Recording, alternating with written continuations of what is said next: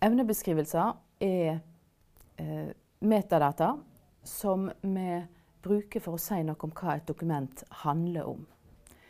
Eh, bok som gir ulike strikkemønster, handler om strikking. Ei bok som har ulike kapittel om hamster og marsvin og katter og hunder, handler om kjæledyr.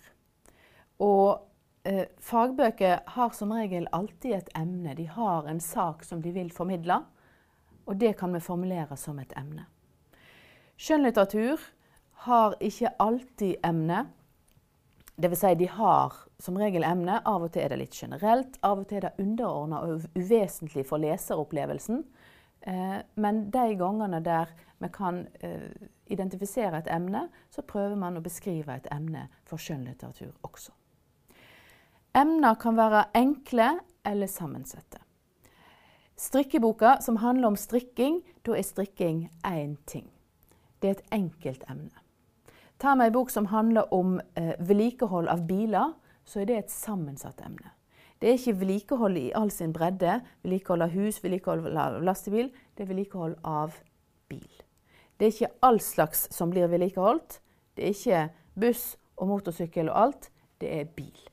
De to sammen utgir en sammensetning som eh, tar ned hva som er emnet for dokumentet. Det er et sammensatt emne. Så kan ei bok ha ett emne eller flere emner, og de emnene kan være enkle eller sammensette i ulike kombinasjoner. Vi kan ha ei bok som handler om vedlikehold av bil. Vi kan ha ei bok som handler om vedlikehold av bil og vedlikehold av motorsykkel. Da har den to sammensatte emner. Vedlikehold av bil og vedlikehold av motorsykkel. En måte å beskrive emnet på, det er å lage emneord. Da lager vi en formulering, et ord eller uttrykk, som, som rett og slett fra naturlig språk sier hva emnet er. Strikking kan vi bruke som et emneord. Og kombinasjonen biler og vedlikehold kan vi bruke som to emneord som sammen uttrykker det sammensatte emnet. Da må vi passe på, når vi lager emneord, at vi alltid beskriver det samme dokumentet på samme måte. Ei bok om botanikk får emneordet botanikk. Eh, og når det da seinere kommer ei bok som handler om det samme, så kan ikke den få emneordet plantelære. Da må den også få emneordet botanikk. Og så må vi selvfølgelig lage mekanismer, sånn at de som søker i katalogen vår eh, på plantelære, de får treff på de bøkene som er beskrevet med emneordet botanikk. Det er henvisninger. En annen måte å beskrive emnet på, det er gjennom klassifikasjon. Det klassifikasjonsskjemaet som er mest brukt i Norge i dag, det er Deweys desimalklassifikasjon. Det er sånn at det deler hele kunnskapsuniverset inn i ti hovedklasser. Vi starter på null generelle verk. Så kommer eh, filosofi og psykologi. Så kommer religion på 200. Og så kommer samfunnsfag på 300. Og så kommer 400, 500 osv. helt til 900.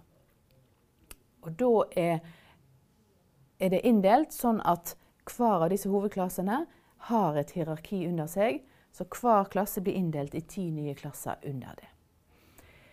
Og så, når vi da har 300-klassen og setter et siffer til, sånn at vi har 310 eller 320 eller 330, da er vi kommet ett hakk lenger ned i hierarkiet, og vi har nye emner som er underordna samfunnsfag. Og så for hvert eh, ledd nedover i hierarkiet så får vi ett siffer mer i klassekoden. Og så er den klassekoden da så, sånn innretta at eh, alle klassene da får et tall fra 0 til 900. Og de eh, tallene kan jo sorteres. Vi kan sortere, og da kan vi også sortere de bøkene som har fått tildelt de klassene. Så når eh, strikkeboka har fått et, en tallkode, så er det 600 og et eller annet, den kan plasseres på, sammen med alle de bøkene som har en klassekode, som starter på 6. Og så kan vi sortere etter tallene. Og da kan vi sortere hele samlingen etter klassekoden. Eh, som regel så vil bibliotek ha både klassifikasjon og emneord i katalogen sin og på samlingen sin. Man bruker emneord mest for å kunne søke, for å kunne skrive inn at 'jeg vil ha en bok om strikking', og så får du treff på alle bøkene som har emneordet strikking.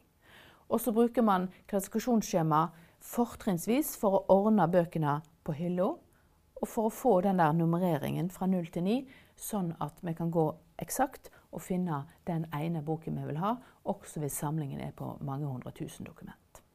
Emnet kan kategoriseres på en annen måte også. Det eh, gjør vi ofte for å få system på de emnevokabularene som vi har. Et sett med emneord kaller vi et emnevokabular. Og et klassifikasjonsskjema er også et emnevokabular. Eh, vi har bruk for å kategorisere disse emnene. Strikking er en handling. Eh, vedlikehold og reparasjon er en handling. En bil er en ting. Så det er to forskjellige ting. Eh, strikkeproduktet er også ting. Eh, av andre kategorier så har vi også materiale, hva ting er laga av. Det har vi bruk for å eh, sette i emnebeskrivelsen av og til. Og så er det to viktige kategorier, som er stad og tid.